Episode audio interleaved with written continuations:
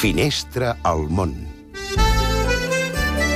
Avui l'obrim a Brussel·les. Jaume Masdeu, bona nit. Bona nit.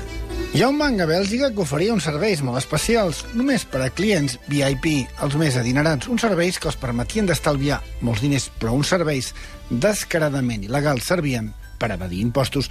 És el que ha denunciat la Fiscalia belga que acusa un banc de primera línia com és el HBCC, en aquest cas la filial suïssa d'aquest banc britànic. Un plec de càrrecs contundent, frau fiscal greu i organitzat, rentat de diner i organització criminal.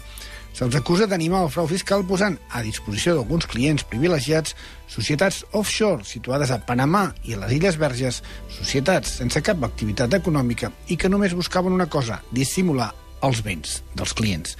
I el banc, l'HBCC, buscava clients impossibles. Es va centrar especialment en el sector del diamant, que té un centre de primer ordre mundial, a Anvers.